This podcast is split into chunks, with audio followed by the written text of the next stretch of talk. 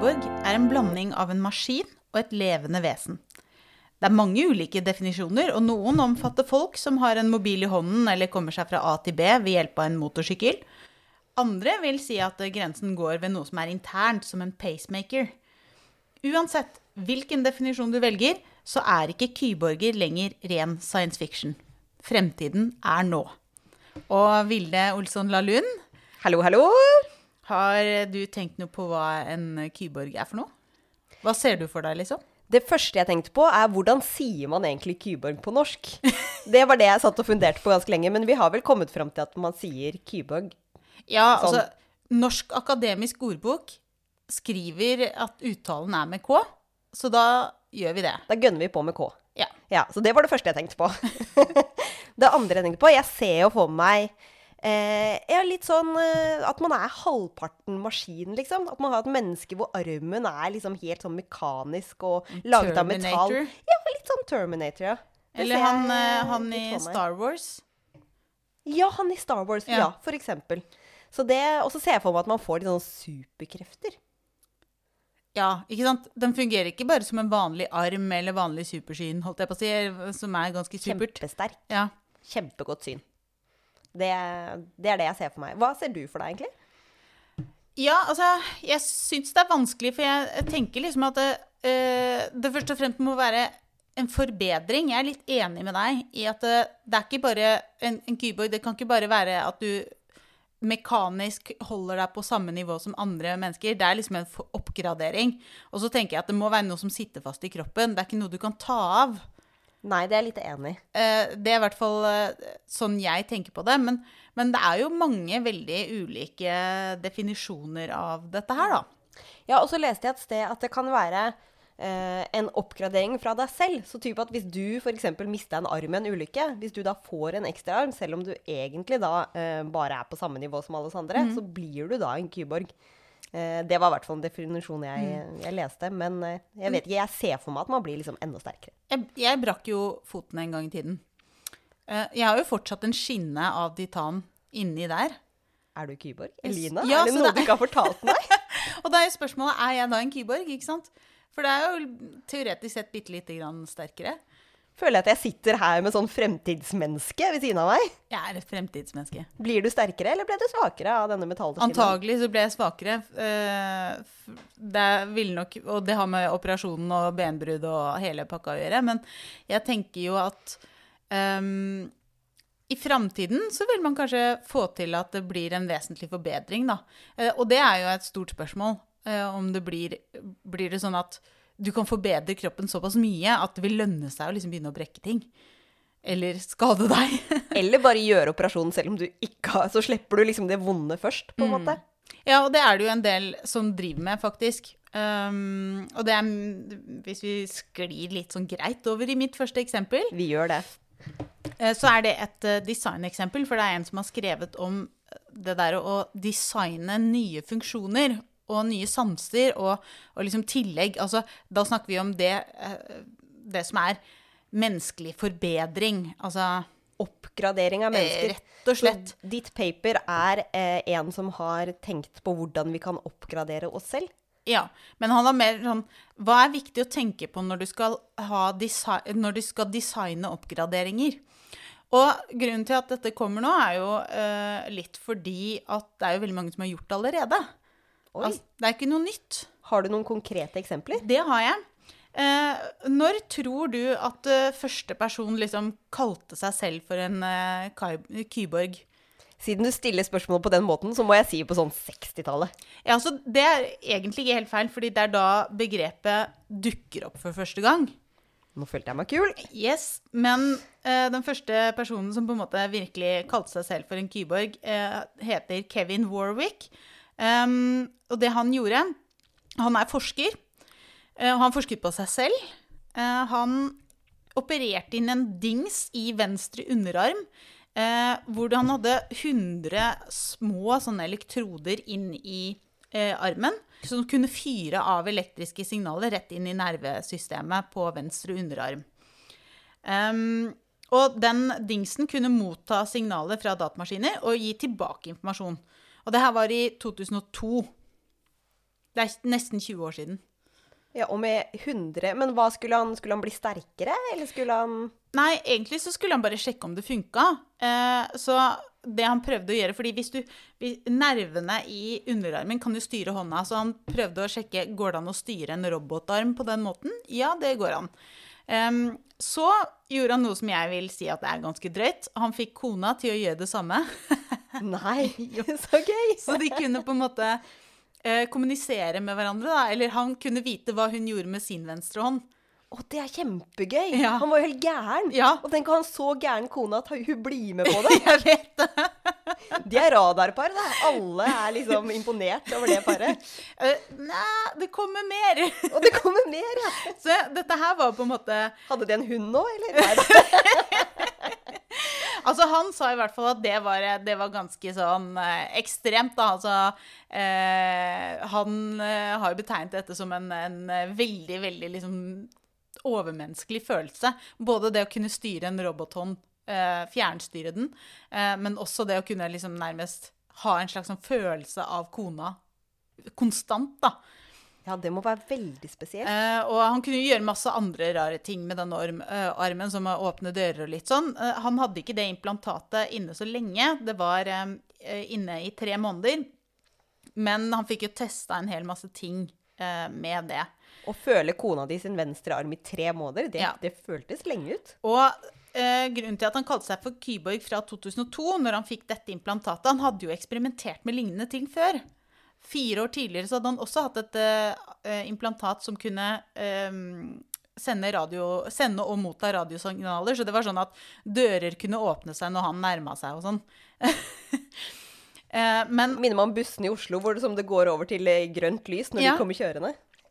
Men han, eh, han regna ikke det som å være en kyborg, fordi det var liksom Det satt fast i kroppen hans, men det var liksom ikke integrert som en del av nervesystemet, men det var dette andre implantatet. Um, og en annen som også nevnes hyppig i dette designpaperet, er jo en som heter Neil Harbison. Og han er kanskje den mest kjente. For han har jo et implantat som man ikke kan ta bort. Er det medisinsk viktig, eller Nei. er det Nei. Overhodet ikke. Eh, Og dette vil jeg si at det er såpass eh, eksperimentelt at dette burde man jo ikke begynne med på egen hånd. Men han har gjort det. Det er jo mye rare folk der ute. Du må si hva det er, da. Nå blir jeg kjempenysgjerrig. Ja, For han er nemlig født fargeblind. Eh, Så han vil gjerne ha, kunne se farger. Han er kunstner. Eh, Så han har da operert inn en antenne i hodet som oversetter farger til lyd. Oi. Så han eh, og den antennen den sitter fast i kraniet i bakhodet, så han får lydsignaler konstant fra denne antennen. 360 ulike lyder som koder for ulike farger. Og han har jo da et mye større spekter av farger enn det vi har. Dette er jo helt sykt. Så han, kan, han vil jo kunne se i mørket, f.eks. Han vil jo kunne se infrarødt um, som en farge. Mm. Men, men se, liksom Dette var jo ve veldig eh, fascinerende. Ja. Har han en ding sittende fast i bakhodet, da? Yes, den sitter fast i kraniet i hodeskallen i bakhodet og sender lyd konstant. Jeg tenker at dette her må være helt grusomt. Men hvordan har han lært seg å skille mellom den lyden han får fra denne dingsen, og vanlig lyd? Altså, det han Uh, først, gjorde først da Han har jo eksperimentert med dette en liten stund. Så først så hadde han en sånn ding som ikke satt fast i bakhodet. Så han testa jo dette før han Ja, det opererte den fast. um, men han har, jo, han har jo på en måte en eh, konstant sånn bakgrunnsstøy da, av, av fargelyd. Uh, men det er jo ikke det eneste implantatet hans, fordi han er um, Hvis jeg ikke husker helt feil, så er det han og dama hans, jeg tror hun er dama hans, uh, som har um, stifta noe som heter uh, The Kyborg, eller Cyborg Foundation. Um, så de driver jo litt sånn um, ja, hva skal jeg si, promotering av dette her, da. Og de har jo laget eh, også sanser som man kan kjøpe. Altså du kan kjøpe deg en sans. Eh, så den første kommersielle sansen, det heter North Sense. Ville du hatt en North Sense? Å føle hvilken vei som er nord, liksom? Er det det som er Hva skal man med det? Nei, altså for meg som er litt sånn retningshåpløs, så ville jo det være rett, greit, vil det ikke det? Godt poeng. Ja. Eh, Det den gjør, er at du, du, du setter den fast på en måte på brystet, og så vibrerer den hver gang du vender mot nord. Så da er om å gjøre å ikke sove den veien, da. Så du ligger og rister, liksom. Ja, nei, jeg tror ikke jeg ville hatt en sånn. Uh... Men det er jo helt ekstremt at du bare kan kjøpe deg en sans. Ja. Hvilke andre sanser har de på lager? Eh, og så han og, og dama, skal vi se Moon Rebus um, heter hun. Hun, har, hun og han Neil Harbison har også uh, eksperimentert med et tannimplantat som gjør at de to kan kommunisere morsekode med hverandre. Ved å tygge, liksom? Ja. Så da kan du ikke skylde på dårlig kommunikasjon. Liksom Men jeg skjønner ikke hvorfor disse er så interessert i å ha så god kommunikasjon med, med kona eller med partneren sin. Nei, jeg Hvorfor tror, det er en greie, liksom? jeg, jeg tror jo det er eh, Det går litt på det der at man har lyst til å kunne kommunisere liksom litt sånn hemmelig, hvis du skjønner hva jeg mener. Altså med tankekraft. Men dette er jo elektriske signaler som overføres på en eller annen måte, så det er jo på ingen måte hemmelig. Det ville jo kunne fanges opp av en annen elektrisk device, liksom. Ser jo litt rart ut hvis du sitter der og hakker tenner. Og så bare Nei, jeg snakker med kona. Snakker med kona. Lurte på hva det var til middag i, i kveld. Ja. Uh, nei, jeg, jeg vet ikke hvorfor det er Men jeg tror den kommunikasjonen er liksom litt sånn um, Ja, det å lese tanker og at det er liksom litt i den retningen, da. Litt sånn Det er veldig fascinerende. Har du sett den TV-serien som heter Made for Love? Nei. Det er basert på akkurat det. Det var veldig gøy at du nevnte det. fordi det er liksom, Kanskje det er i vinden å faktisk ha sånn eh, kommunikasjon innad mellom eh, partnere. Men jeg tenker at selv med ord så kan det være vanskelig nok. Ja. Så kanskje man skulle liksom bare begynne Tenk hvor sint jeg hadde blitt på mannen min hvis jeg holdt på med morsekoder, og så kom han etterpå og bare Nei, jeg trodde bare du spiste. Så hadde jeg liksom fortalt han en hel historie om noe kjempeviktig, og så trodde han bare at jeg drev og spiste middag. Eller frøs, liksom. Ja, eller frøs. Han hadde blitt kjempesint. Altså, det er jo, det er jo eh, Jeg tenker at det er ikke alltid sikkert at disse oppgraderingene, som de kaller det, er en forbedring. Og det er, det er egentlig akkurat det de diskuterer litt i, denne, i det paperet. Eh, fordi hans eh, eh, konklusjon er jo egentlig at eh, du må tenke veldig på bruk, altså den brukeren av den teknologien. Du, du skal kunne leve med det daglig over lang tid, så det kan ikke være noe som er irriterende. Det må være både psykisk og fysisk komfortabelt. Um, og så må inputene, altså informasjonen du får fra den dingsen, den må være ganske intuitiv. Fordi hvis du må bruke veldig mye energi på å tolke det du får inn, altså som å lese morsekode, så blir jo det i seg selv en ganske sånn stor barriere, da. Ja, og ta mye av din tid og energi. kanskje. Nettopp. Så du får ikke gjort så mye annet. Ja, Så eh, det du får inn av input, må være intuitivt. Nå kan det jo sies at han Neil Harbison har jo eksperimentert med en hel masse forskjellige eh, sanser. Så en annen er jo å føle tid. Og det var jo også en sånn varme Altså at du, du føler det som en slags varmesans, da. Um, Men eh, sånn et spørsmål, fordi disse sansene du nevner, eller det du nevner nå, eksemplene, er jo veldig sånn morsomme eksempler. Men eh, nevner de noe om liksom medisinske eksempler, eller litt mer sånne nyttige Kyborg-eksempler i denne studien, eller er det mest Eh, I denne studien, i dette eh, designeksempelet, så gjør de det. Men det som, det som Neil Harbison og, og Moon Rebus uh, jobber med, er jo Det er jo mer på en måte eksperimentelle greier. Um, så i dette I designeksempelet så snakker de jo mer om dette med uh, f.eks. Uh, det vi kan kalle for exoskjelett, da. Som er en slags sånn robotaktig drakt du kan dra utenpå deg. Og der har de gjort eksperimenter hvor de har fått lamme mennesker til å gå igjen, f.eks. Ja, for tenker, det er jo helt fantastisk. Og da er det jo å forbedre noen som har mista en funksjon. Men du kan også bruke det samme type exoskjelett til å gi noen en funksjon de ikke hadde. Altså eksempel, la oss si en sykepleier som må løfte tungt da, i jobben, løfte en tung pasient, så kunne de kanskje ha tatt sånne exoskjeletter og gitt dem styrke. Altså gitt dem liksom litt noen ekstra robotkraft. Ja, sånn at de gjør det samme, bare at det er mye lettere for dem da, å løfte en pasient som Nettopp. veier 80 kilo, eller Ja. ja. Uten å belaste ryggen og Ja. Og det ville jo kunne gjøre arbeidsdagen veldig mye lettere.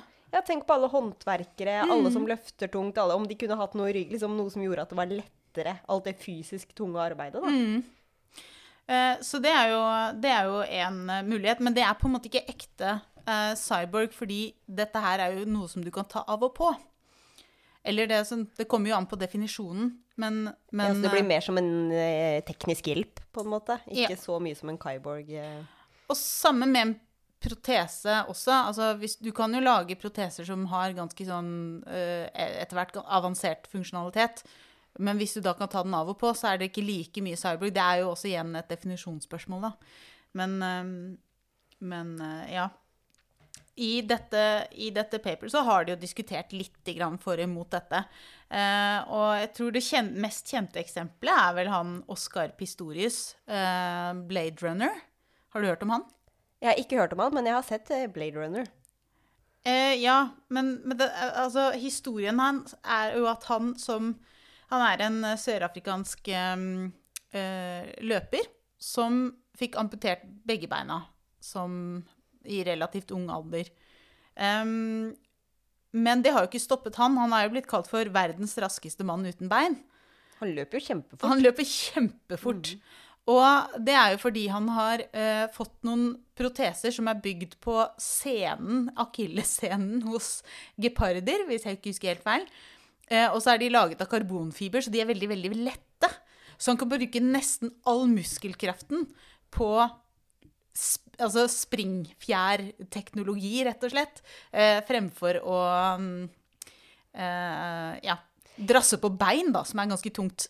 Jeg tror jeg har sett noen videoer av at han løper, og det går sabla fort. Ja, han er mye raskere enn meg. Eh, jeg ville vel aldri vært i nærheten engang. Nå sitter han vel i fengsel da, fordi han skøyt dama si, men det er nå en annen sak. Det er en Eh, historie for en annen podkast. men, men det viser jo bare at eh, det er jo mulig å både få en funksjonsforbedring samtidig som du eh, Ja. Eh, også får på en måte den funksjonen som andre har, men du kan også forbedre den, da. Um, men det er, det er masse eksempler i dette paperet, men, men det viktigste er egentlig eh, det derre at han hele veien diskuterer hva man skal tenke på. Eh, og som jeg, jeg var litt inne på, altså det må være komfortabelt over tid, fysisk og psykisk. Input fra den dingsen du har, hvis du får eh, input, sanseinput. Det må være intuitivt, sånn at eh, hvis du må lese morsekode, så er det kanskje ikke helt eh, optimalt. Eh, og den siste er at funksjonen for disse menneskene som er kyborger, det er en del av identiteten deres. Så han Neil Harbison, eksempel, identifiserer seg jo som en kyborg. Han vil ikke si at han er et menneske. Han sier at han er transhuman. Det var veldig fancy. Ja, det er veldig fancy. Og jeg er ikke sikker på om uh, f.eks. han eh, Blade Runner, Oscar Pistorius, om han ville identifisere seg på den måten. Det aner jeg ikke. Men det må man nesten spørre han om, da. Men det er i hvert fall en del av denne kyborg-bevegelsen som er veldig sånn Ja, men vi er, vi er forbi mennesket, liksom. Det blir veldig spennende å se hvordan den utvikler seg de neste 5-10-15 årene. da. Mm. Når de har klart så mye på egentlig så kort tid. Hvis du tenker, to, var det 2002 han begynte med disse, Ja. den armen sin? Ja. Så det Hvor er vi i 2040? Og så hvis vi ser på eh, den Husker du den episoden vi spilte inn om sanser? Ja. Det er jo veldig mye rare sanser å ta av.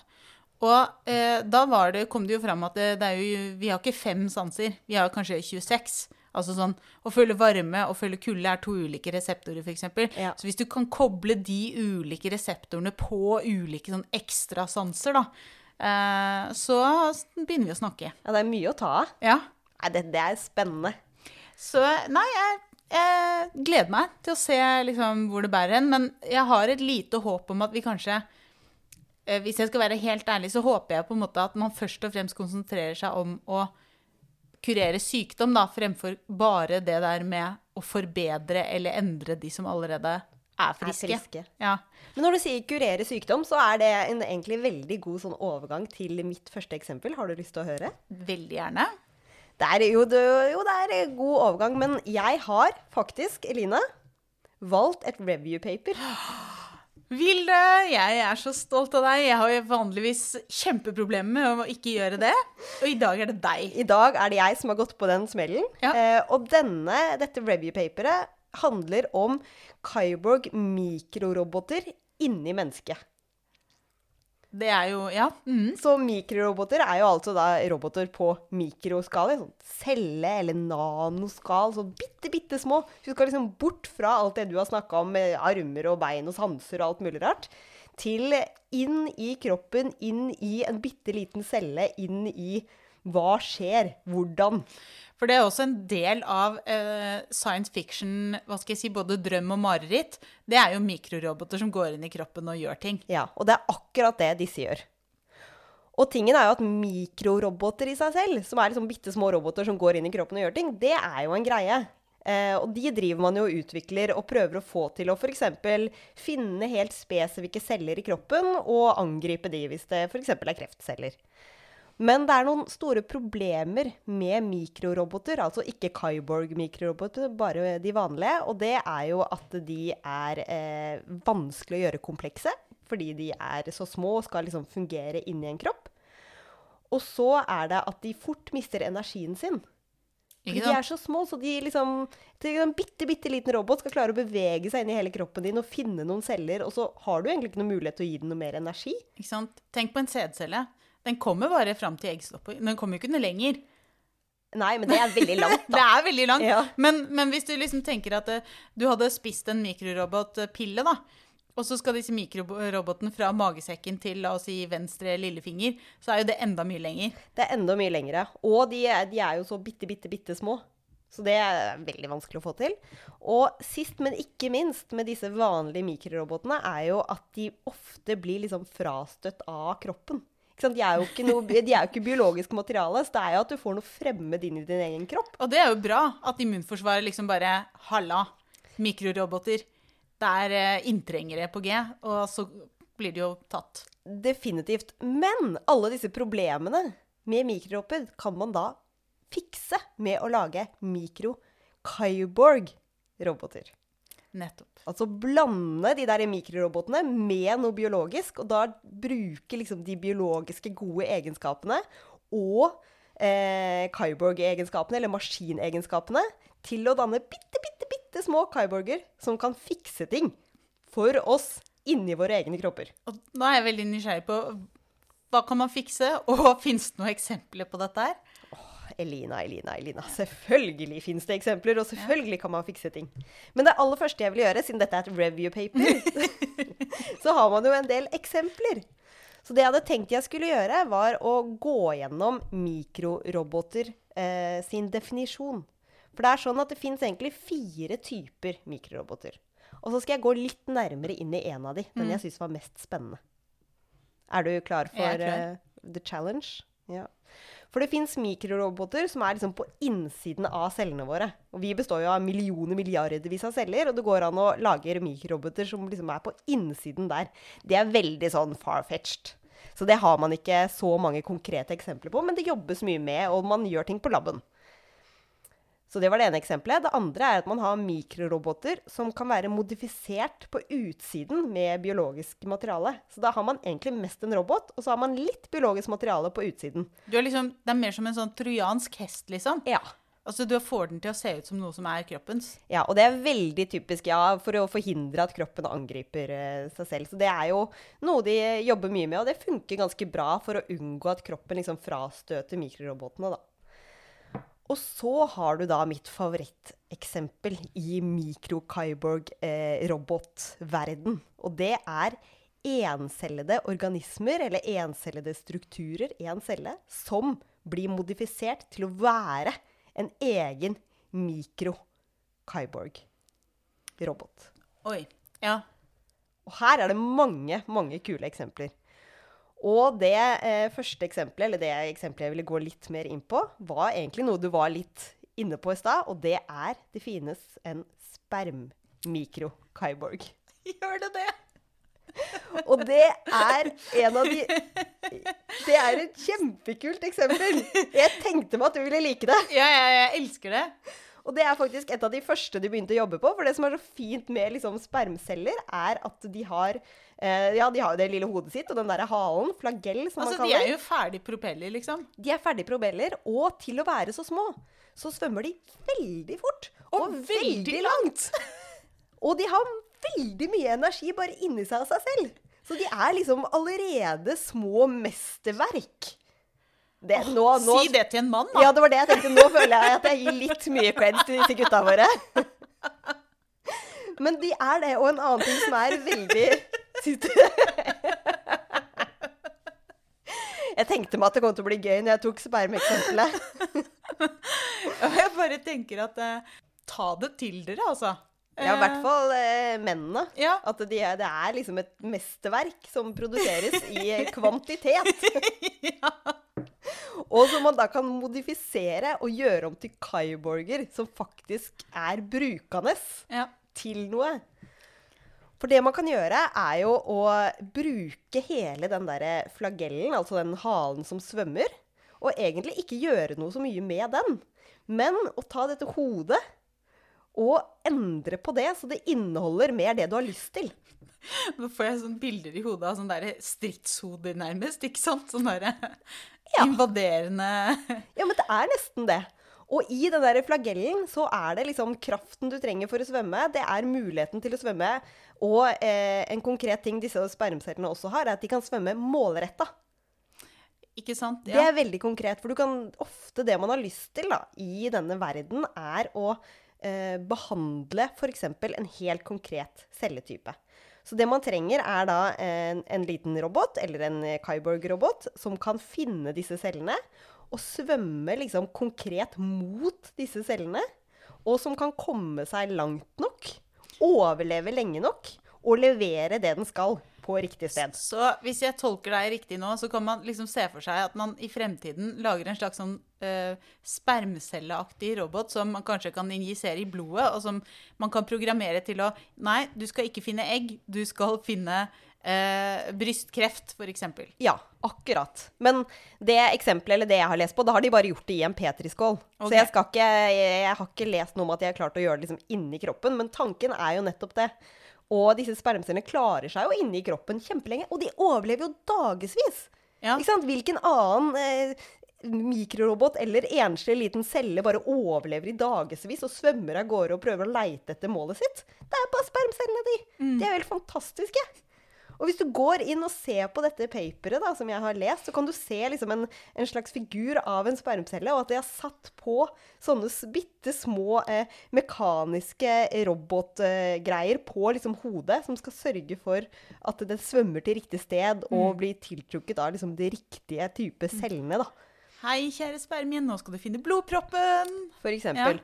Og ofte måten de kan gjøre dette på, er enten ved at det er en pH-endring, f.eks. eksempel, At uh, den går mot høyere eller mot lavere pH.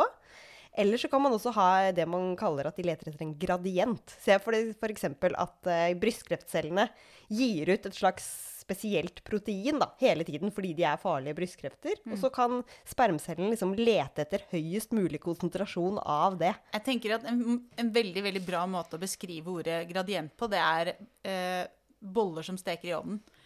Altså, Hvis du står langt unna, så lukter det så hvitt, og så går du nærmere og nærmere, og nærmere, og da øker gradienten, ikke sant? fordi bollelukten blir sterkere og sterkere og sterkere. Ja. Det var Det veldig godt. akkurat det samme. Det akkurat det. Så du kan se for deg at disse spermcellene bare kan svømme mot. Og det er jo da Kyborg-modifiseringa som gjør at det er det de liksom svømmer mot. da. F.eks. Mm. brystkreftceller eller noe annet, og ikke eggceller i, i kroppen til en eh, dame. Mm. Så, og de har kommet langt, og spermceller var faktisk et av de første liksom, Kyborg-mikrorobotene de begynte å forske på. Og så er det en annen ting som er veldig kult med eh, spermcellene, og det er at de finnes i så mange arter. Så det betyr at du kan liksom endre de Og de er ganske enkle, da, cellene, så du kan endre de så de passer inn i veldig mange arter. Og kan da brukes på veldig mange arter. Så det er ganske fascinerende. Og ikke bare det, men hvis du tenker over hvor veldig mye forskjellige rare spermceller det finnes der ute blant forskjellige arter, så har du på en måte potensial til å finne veldig mye forskjellige typer bioroboter også. Eh, det er jo ikke alle som ser ut som en liten, et hode med en propellhale. Definitivt. Så det, der er det mye å lære av, og det er en, et godt sånn encella eksempel. Veldig spennende. Og eh, andre eksempler på liksom encella organismer som kan være kyborger, det er alger. Det har de jobba en del med. Det ikke noe, skal ikke gå mer inn på det. Og så er det faktisk bakterier som også kan være veldig gode kyborger. Men det skal jeg heller ikke gå mer inn på, for jeg har hørt et lite rykte om at vi kanskje skal høre mer om det. Jeg tenker at jeg tar over ordet her. Ja, men aller først så må jeg nevne det siste. Okay. Eh, den siste gruppen av kyborger, sånn mikrokyborger. Ja. For det er nemlig at det kan være flercella strukturer. Kan også være kyborger. Så du kan ha typen muskelcelle, det er det de har forska mest på. da, Muskelcelle, som de endrer. Og så får de hele muskelen til å bli en slags kyborg, så den blir enda sterkere. Det har jeg faktisk sett på YouTube. Eh, at noen har laga eh, noen muskelfibre som de har koblet en liten sånn elektrisk sensor på som får muskelen til å trekke seg sammen og liksom bevege seg som en liten sånn mark bortover. Ja, og det kan man liksom implantere i eller putte tilbake i kropper og gjøre og få da at man blir sterkere uten at det egentlig syns. da. Og man kan bruke andre typer flercellastrukturer også, så det er bare ja, forskerne som er begrensningene på det. Så der er det nok veldig mange kule eksempler, men de har kommet mye lenger med det som er encella organismer, og spesielt bakterier. Har de kommet ganske langt med. Eller hva, Elina? Ja, da tar jeg over ordet. oh, dette var bra over overgang. Vi har tima tilrettelagt, som Egon sier. Ja, fordi mitt neste eksempel er jo da en bestemt type kyborgbakterier. For her er det jo masse, masse vi kan ta av.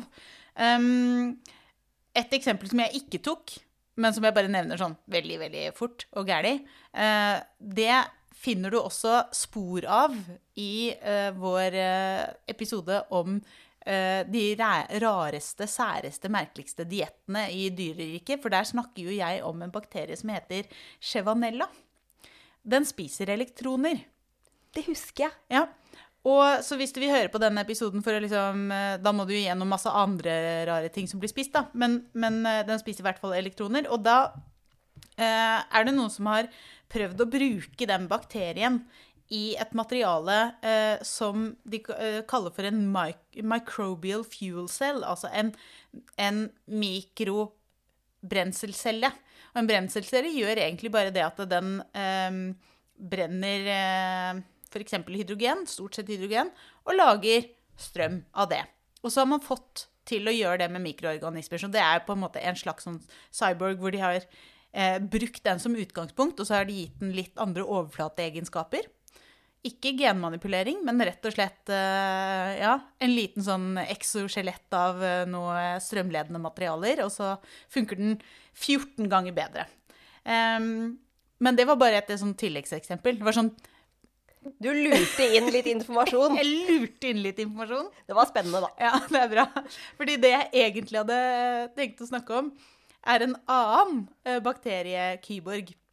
Som er litt sånn redde verden-eksempel. Og det er derfor jeg har lyst til å ta Eller det er jo redde verden hvis du kan lage eh, brenselceller av bakterier også, da, for så vidt. Men eh, denne er kanskje enda mer sånn. Fordi det fins nemlig en bakterie som heter Alcanivorax borcumensis. Og den er mest kjent for å spise olje. Råolje. Oljesøl? Nettopp. Så det er en sånn eh, oljespisende bakterie som det er forska en del på fordi ja, Åpenbart fordi man har lyst til å bruke den til å rydde oljesøl. Um, og så er det jo sånn at de har lyst til å styre den. Og det er ikke så lett å finne et gen for å styre bakterier, rett og slett. Hvis man kunne jo se for seg at man kunne genmanipulere dem til å liksom gjøre en bestemt ting. Uh, men det er ikke så lett hvis det genet ikke finnes. Men styre, tenker du fysisk liksom, bevegelse, eller mm. tenker du ja, sånn at de skal gå mot oljen, på en måte? Ja, sånn at du skal liksom Kunne eh, kjøre de til oljen? Ja, eller, at, du, at, det skal være litt mulig å liksom styre dem og si sånn ja, Hold dere her, folkens. Ikke liksom bland dere med det andre livet i havet. Bare hold dere her hvor det er oljesøl. Ja, det gir mening. Ja. Ehm, så da har de heller prøvd å se Klarer vi å gi denne bakterien et slags sånn exoskjelett, nemlig en sånn pakning, et lite, en rustning av et magnetisk materiale med små, små, små nanomagneter som uh, gjør at de kan bevege dem ved hjelp av magnetisme. Uh, og da kan du se for deg at man har flere ulike måter å gjøre det på, men de har fått til å lage en slags sånn eh, Hva skal jeg si Se for deg spagetti. Eh, altså en polymer, eller liksom sånn, litt sånn langstrakte tråder som du kan feste sånne eh, minimagneter på. De setter seg fast på disse overflatene av, av seg selv. Og så, fordi denne bakterien har en spesiell overflate, en gram negativ eh, overflate, så har den det, er, det blir en sånn elektrisk spenning mellom disse. Så da tiltrekkes disse små nanopartiklene av den overflaten, og, Og så pakkes og det rundt. pakker den inn. Eh, men én ting er jo å få til at det skal skje. En annen ting er jo å få sjekket at de faktisk fortsatt spiser olje, og at de klarer å leve videre, og at ikke denne rustningen av magneter skal ødelegge for bakteriene. Ja, For de må vel klare å f.eks. dele seg ikke sant? Mhm. og bli fler, selv med rustning. Så mye av dette paperet handler jo egentlig bare om at eh, de sjekker at ja, det fikk vi til. Så de klarer å leve et godt og fullverdig bakterieliv med rustningen. Ja, det gjør de. Og ikke nok med det, men de klarer også å spise oljesøl med denne rustningen på, så det er ikke til hinder for at de skal ta opp olje, som er jo kanskje noe av det viktigste. Eh, og i tillegg så så de at vi klarer å styre dem, så vi klarer å liksom Fra å ha alle bakteriene løst i én løsning, så kan vi påføre et magnetfelt, og så får du en liten sånn kladd med oljespisende bakterier i den ene enden av en petriskål eller en, en tube med, med væske, da. Det er jo kjempepotensial, men prøvde de også ute i den ekte verden? Typ i havet eller eh, på Nei. ekte oljesøl? De har ikke sluppet dem løs, nei. Eh, det er på en måte gjenstår vel litt uh, før det. Uh, du kan jo se for deg at det området de nå har liksom klarert for oljesøl, det er liksom på størrelse med en håndflate, kanskje, eller noe sånt noe. Så vi har jo Litt å gå på, eller igjen? litt igjen. ja, Ja. Før det blir en eh, ordentlig Men det er jo hva skal jeg si, Mengden av disse små polymerene de trenger, er det veldig veldig mye, så det i seg selv blir forurensende? Eller Mm, det hjelper ikke å ta vekk oljesølet hvis du sitter igjen med masse av noe annet? nanopartikler som er farlige på en eller annen måte. Ja. Ja, det er et veldig, veldig godt poeng. Nå er jo de magnetiske, så det kan du vel få samla opp på en eller annen måte. Men det de så, var at bakteriene deler seg og trives veldig godt. Men etter en, etter en gitt antall generasjoner så har de på en måte klart å kvitte seg med de nanopartiklene. Sånn at den rustningen varer jo ikke evig. Ja, så da må de enten få nye, eller Så det er i en kontinuerlig prosess. Ja. Mm. Så, og så må du jo finne ut hvor blir det av de nanopartiklene. Eh, Det de har sett, er at de ender ikke opp inni cellen. Så det er de i hvert fall sikre på, at bakteriene tar ikke til seg disse eh, nanopartiklene på noen måte. Men, men de kvitter seg med dem liksom over tid, da. Så det er jo Det er sikkert en del ting til de må forske på før de kan eh, eh, på en måte slippe dem løs eller bruke dette til noe. Men det er et lite skritt på veien. Ja, det hadde vært helt fantastisk hvis det var en sånn, ja, en olje, et, et, et oljetank eller oljeskip det ble høl på, og så kunne man bare komme med en megamagnet og masse bakterier for å liksom Ja. fikse det, da. Ja, altså liksom se for deg en verden der du har Du har jo sånne miniroboter da, som bare er magnetisk styrt. Det er ganske kult. Det er litt sci-fi. Det er sci-fi. Det, det, det er stilig. Ja. Men apropos det å styre noe fra langt unna. ehm, jeg mener å ha hørt rykter om at du kanskje Har et godt eksempel på det. Ja. Jeg må bare si at dette eksempelet det er nok favoritteksempelet mitt, bortsett fra fun facten min, som er veldig bra fun fact i dag. For en gangs skyld. Jeg har jo alltid så dårlig fun fact, men i dag har jeg slått på stortromma, som man sier det, med fun facten. Og med eksempel to. Fordi første setning i eksempel to-artikkelen er eh, Denne studien er inspirert av Avatar-filmen. Og det er jo bra. Det er en veldig bra begynnelse. Og da tenker jeg, når noe er inspirert av Avatar, det, da må det bli bra. Og det ble bra.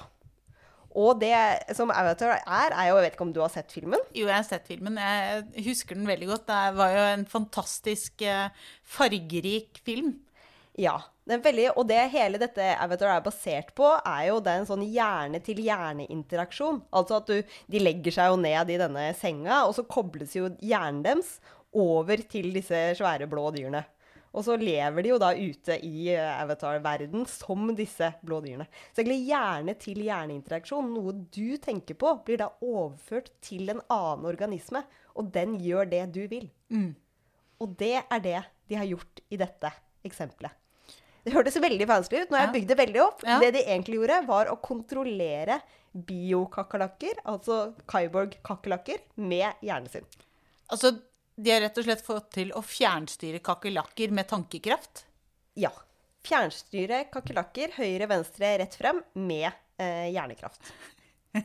Det er jo en start på Avatar. Og det funka. Ja, Men jeg vet ikke om kakerlakk er dyret jeg hadde valgt. Altså. Nei, jeg kan jo ta det først. da. Grunnen til at de valgte kakerlakker, det var jo da eh, to hovedgrunner, eller tre. Det eneste er at de er jo ganske små. Så de, man kan jo Det er lett å, å jobbe med de. Eller sånn, de er ikke, det er ikke en løve, liksom. og så er det veldig enkle å gjøre medisinske inngrep på hjernen deres. Så Ja. det er lett. Og så er de jo veldig robuste, så de tåler veldig mye. Ja. Så du kan liksom herse litt med de, og så går det greit. Så uh, tatt alt det sammen, så tenkte de at uh, å lage Kyborg kakerlakk, det gjør vi. Og det de da ville gjøre, var jo å få kakerlakkene til å gå der de ville, basert på hjernekraften til eh, en menneske. Og i det prinsippet så er det egentlig to ting man må gjøre. Og det første er jo da det som heter hjerne-til-data-interaksjon. Altså det du tenker på, må overføres til en datamaskin. Eller ikke du, da, men det mennesket tenker på eller ser. Eh, og det den har lyst til å formidle til kakerlakken, må liksom overføres til en datamaskin. Og dette er egentlig et veldig kjent fenomen. Eh, som man f.eks. bruker på de som er lamme, som har lyst til å snakke. Så kan de sitte og se på en sånn skjerm, og så kan man måle hvor de ser. Eh, og det, så det er egentlig noe man bruker ganske mye på å liksom skjønne hvordan hjernen fungerer. Eller for å kunne formidle da, fra liksom hjernen til en datamaskin. Eh, og måten de har gjort det på i denne studien, det er noe som heter Steady State Visual Evoked Potential. Det sier meg ikke sånn veldig mye. Nei, det var litt komplisert. Det var litt komplisert, men det de egentlig eh, måler, er eh, en frekvens i hjernen. Altså, du kan se for deg at hvis du sitter og ser på en skjerm, så, kan, så, så er det noen blinkende Hva heter det? Blinkende Prikker? prikker ja, eller, eller en firkant. En blinkende firkant på skjermen. Og hvor fort den blinker, det vil liksom eh, hjernen din, eller synet ditt, klare å fange opp. Og det vil gi forskjellige da, intervaller med elektro, eller elektriske signaler i hjernen din. Så hvis du ser på noe som blinker fort, så får du et fort elektrisk signal i hjernen. Og hvis du ser på noe som blinker sakte, så får du et sakte eh, elektrisk signal i hjernen. Og det de har gjort her da, er å tenke at ok, hvis du velger å se på noe som blinker fort, betyr det at kakerlakken skal gå til høyre. Hvis du velger å se på noe som blinker sakte, så betyr det at kakerlakken skal gå til venstre. Og det måler de. Og det kan de måle med Så hjernen. da trenger man ikke se på det, man må bare tenke at man ser på det. Ja, eller du må, du må, for det er visuelt, da, så du må se, eh, se på noe som blinker fort, og da får du et fort elektrisk signal i hjernen.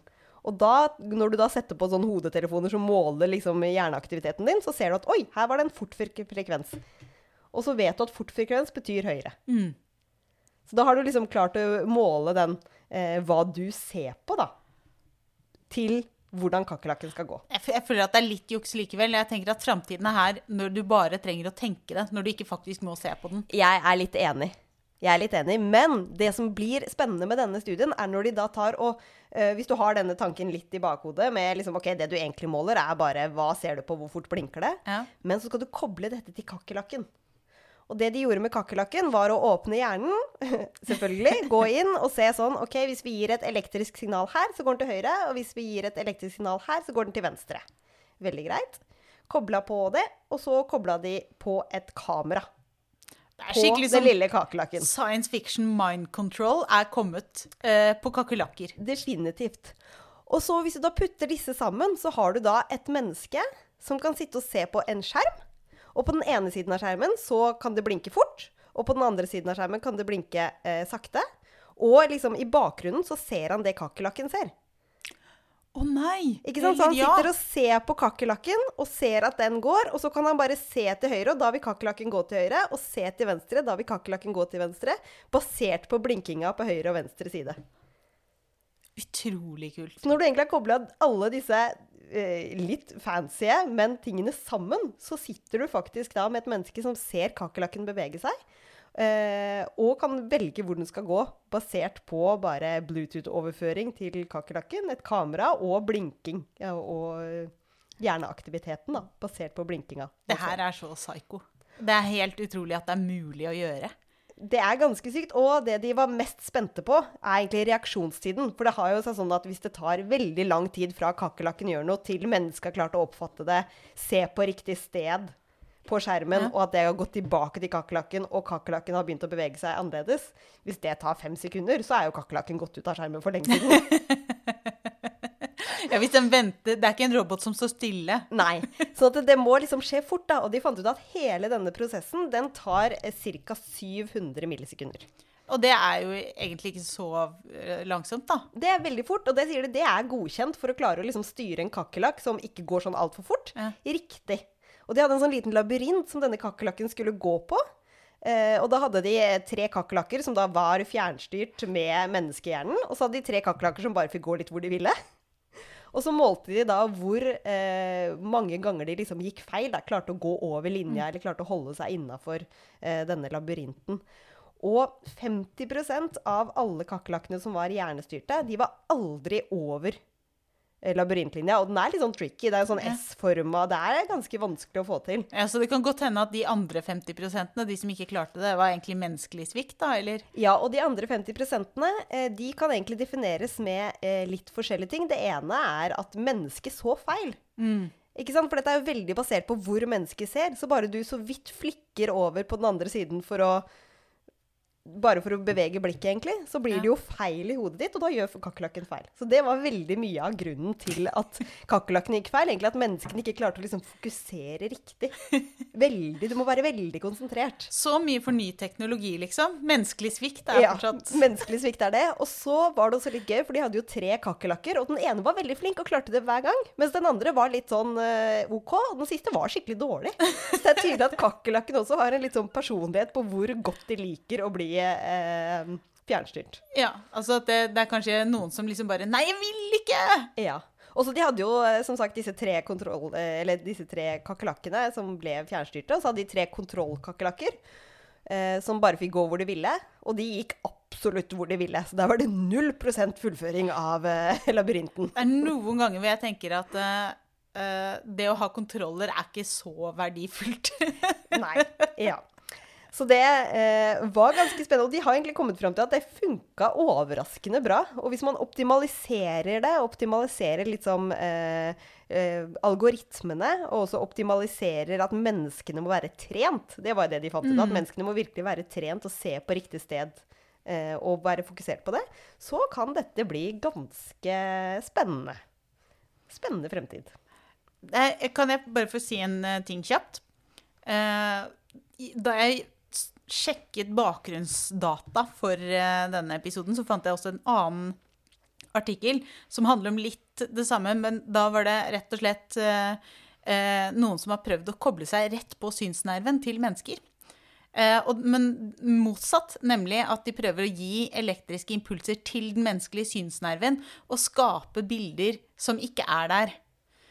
Ehm, og det er jo avhengig av at det mennesket som man gjør det på, at de har, for det første at de har hatt syn før, og at de har mista det. Ja, for dette er for å hjelpe blinde til å se igjen. Ja, det er målet, det langsiktige målet. Men det de har fått til, er å lage uh, Foreløpig er å lage liksom prikker og figurer og, og bokstaver. Så de klarer å gjøre det uten at det er noe syn. Altså ikke, du ser det ikke, det er ikke et bilde du prøver å overføre, eller noe som helt annet. Det er bare laget ved hjelp av elektriske eh, signaler. Så da, da vil du f.eks. i framtiden se for deg at du kunne, vil kunne lese da, på den måten, f.eks. Eh, og forhåpentligvis enda lenger fram i tid kanskje også se, men, men eh, ja. Ja, og kanskje i hvert fall hvis disse personene da kan f.eks. gå med et kamera, så kan de jo se kanskje silhuetter og se på en måte se uten å se, da. Men Det at det er- overføres fra kamera til elektrisk signal og tilbake til et slags Det er gjort bilde allerede. Oi. Ja, så det, det har man. Okay. Eh, men der er det akkurat sånn som med kakerlakkproblemet. Det er litt lag. Altså det er eh, litt grann, eh, tidsforskjell mellom det kameraet ser og det som blir sendt inn til hjernen. Ja, så du har gått på lyktestolpa før du ser det, liksom? det er ikke så men eh, Og de kameraene er Per nå så er det på en måte fortsatt sånn at du ser omrisset av ting, og det ser i svart-hvitt. Sånn at det er, må jo jobbes med teknologien, men det finnes allerede. Men det som er unikt med denne studien som de har gjort her, som jeg fant, var jo at de har rett og slett De sender bilder uten at bildet er der. Ja. Nettopp. Kan lure folk til å se ting som ikke Ja. fins. Ja. Ja, det, er, det er stilig. Det er veldig mye Det er veldig mye kult. Vi burde nesten hatt mer Kyborg-episoder. Kanskje det blir det Jeg føler vi sier det veldig ofte. Ja, At vi har mye å ta av. jo, men vi har mye å ta av. Vi har mye å ta av. Eh, og jeg, jeg føler virkelig det at eh, det var veldig mye Jeg hadde kjempeproblemer med å velge. Um, Ja, og det at vi har mye å ta av, det reflekteres vel kanskje tilbake til at du faktisk har to fun facts i dag? Har du lyst til å jeg klarte ikke å holde meg. Nei. Og det var så vanskelig. Um, og det ene er jo eh, forbedringer i sånne robotarmer, som vi så vidt har vært inne på. Altså fordi hvis eh, robotarmene En ting er jo på en måte å klare å få en robotarm som gjør at du fungerer i dagliglivet. Eh, men noe helt annet er jo å få til å lage en robotarm som kanskje er bedre eller flinkere. Eller plutselig så får du til å gjøre noe du aldri har kunnet gjøre før, som å spille piano. Eller Ja. Eh, det er litt, litt i den gaten eh, dette eksempelet går på. Fordi eh, en ting som er overraskende vanskelig for roboter, vet du hva det er? Nei. Origami. Å brette papirfigurer. Okay. Det er jo en gammel, tradisjonell japansk kunst å lage liksom så små blomster eller svaner eller et eller annet av et papirark. Og det er fordi For det første så krever det vanvittig mye fingerferdighet. Eh, Du må koordinere fingrene ulikt. Og det andre er at eh, papiret endrer jo egenskaper etter hvert som du bretter. Så når du har laget en brett, så er det jo hardere enn det det var. Ja, Så så du du må må- jobbe hele tiden, egentlig liksom tilpasse deg. Nettopp. Konstant tilpasning. Men det, det paperet her handler om, er rett og slett at det, nå har de fått til å brette origamifigurer med en robotarm. Så nå er robotarmene på en måte blitt så bra, og det må jeg, jeg er ganske imponert, for jeg er ikke noe god til sånn papirbretting. så, så da har du på en måte allerede kommet dit at de er eh, kanskje hakket bedre enn mennesker på noen ting. Ja, Så vi begynner å få muligheten til å oppgradere oss med Kyborg-egenskaper. rett og slett robotarmene holder på å bli skikkelig bra. Så det var det ene. Eh, Men da, vil, da tenker jeg at det, du sitter og tripper etter å fortelle din, så da tenker jeg at du kan få lov til å fortelle din før jeg tar min siste. Jeg er enig. Min fun fact er faktisk at det fins plante-kyborger. Nei! Jeg vet, Elina, at du har leita etter det, men det fins. Og jeg har funnet en, artikler, eh, en, artikkel, en artikkel hvor de har sett på og laget en plante-kyborg. Og hva har de fått en blant til? Nå er jeg skikkelig, skikkelig spent. Det er ganske, det er ganske liksom pre preliminært. Jeg skal ikke si at de har kommet veldig langt. Men dette eh, er gjort av en svensk gruppe, og de har klart å lage en rose som kan lede strøm. Og dermed kan den rosen lede strøm eh, og enten gjøre det eller ikke, altså null eller én. Ja. Og da egentlig, hvis du har da en rosebukett, så kan jo det i teorien være en datamaskin. Ja, for det er på en måte en transistor inni en datamaskin er jo liksom den lille delen som sier null eller én, som velger. Og da har du en transistorrose, og hvis du har mange transistorer sammen, eller en bukett med roser, da har du en liten datamaskin. Definitivt. Og det kuleste med den eh, artikkelen her, er hvordan de lagde denne transistorrosen. Og det de gjorde, var at de hadde en helt vanlig rose. Og så kutta de av stilken, sånn som du gjør når du kjøper roser i butikken. Liksom litt sånn eh, på tvers, sånn Ja. at den tar opp mye vann. Og så satt de denne rosen i et vann, eller i vann, som hadde små, små, små eh, polymerer, altså små eh, kuler av eh, et metall, eller en, en, eh, mate, et materie, som kan selvdanne en ledning. Kult. Så det planten gjorde da, var sammen med vannet, så tok den opp alle disse små kulene, eller disse små eh, Partiklene. partiklene, takk.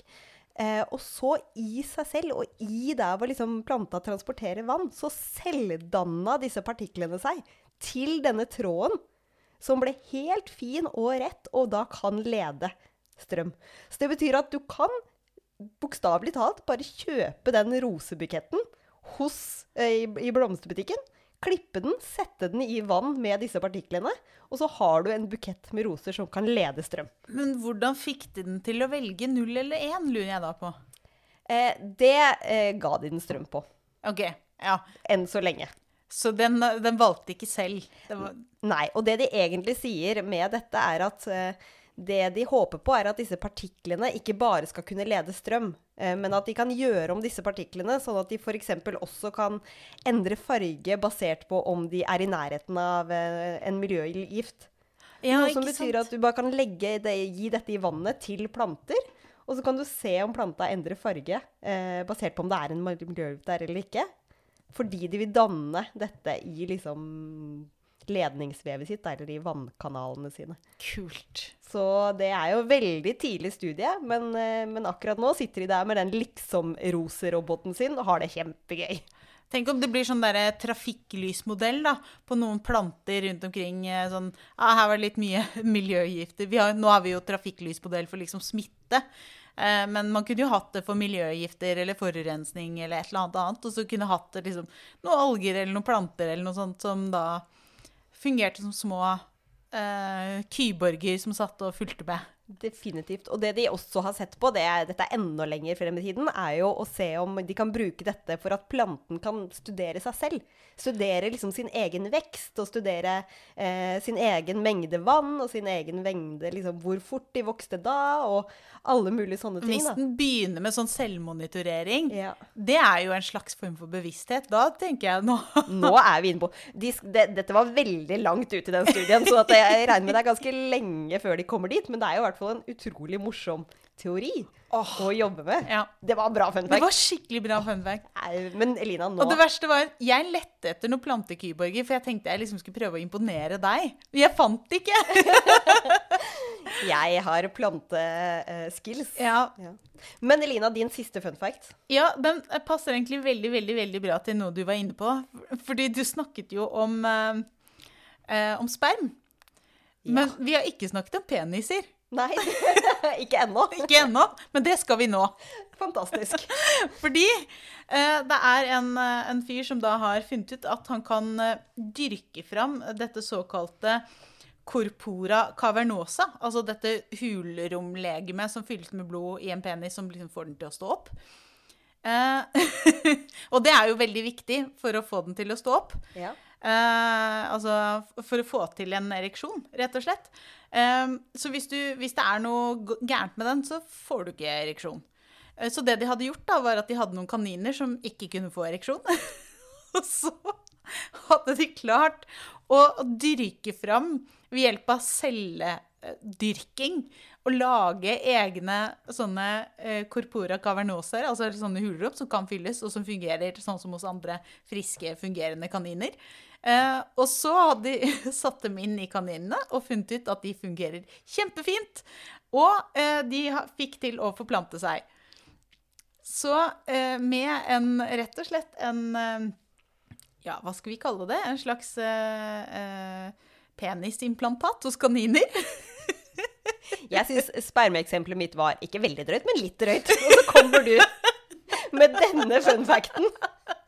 Og så de avslutter med Altså And then the rabbits were back to doing what they do best. Elina, du er god på de drøye eksemplene dine. Jeg synes det Jeg kunne ikke ikke ta den med. Det skjønner jeg godt. Fordi dette var en så fun fact at, at jeg, jeg bare måtte.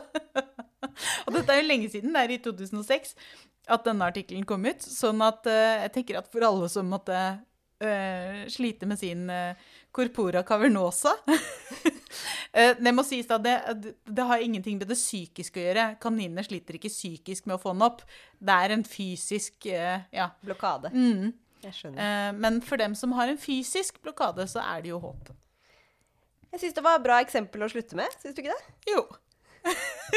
så det er håp, rett og slett. Uansett. Eh, og så tenker jeg at det, det blir spennende å se hvordan eh, liksom kyborg eh, Det kan være hva som helst, liksom. Eh, fra planter til bakterier til, eh, til eh, menneskelig Både å forbedre syn som ikke er der, eller eh, forbedring av sanseopplevelser. Alt mulig rart. En åker full av roboter. ja, rett og slett. Det er fremtiden. Det er fremtiden. Og da er det jo bare å si uh, lik og del, og så høres vi. Det gjør vi. Ha det bra.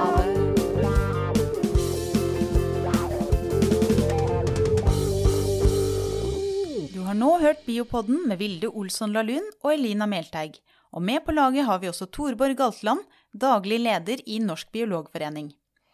Musikken du hørte, er laget av biologibandet Overgump, som består av Even Sletteng Garvang, Markus Fjelle, Erik Møller, Mathias Kirkeby og Audun Rugstad.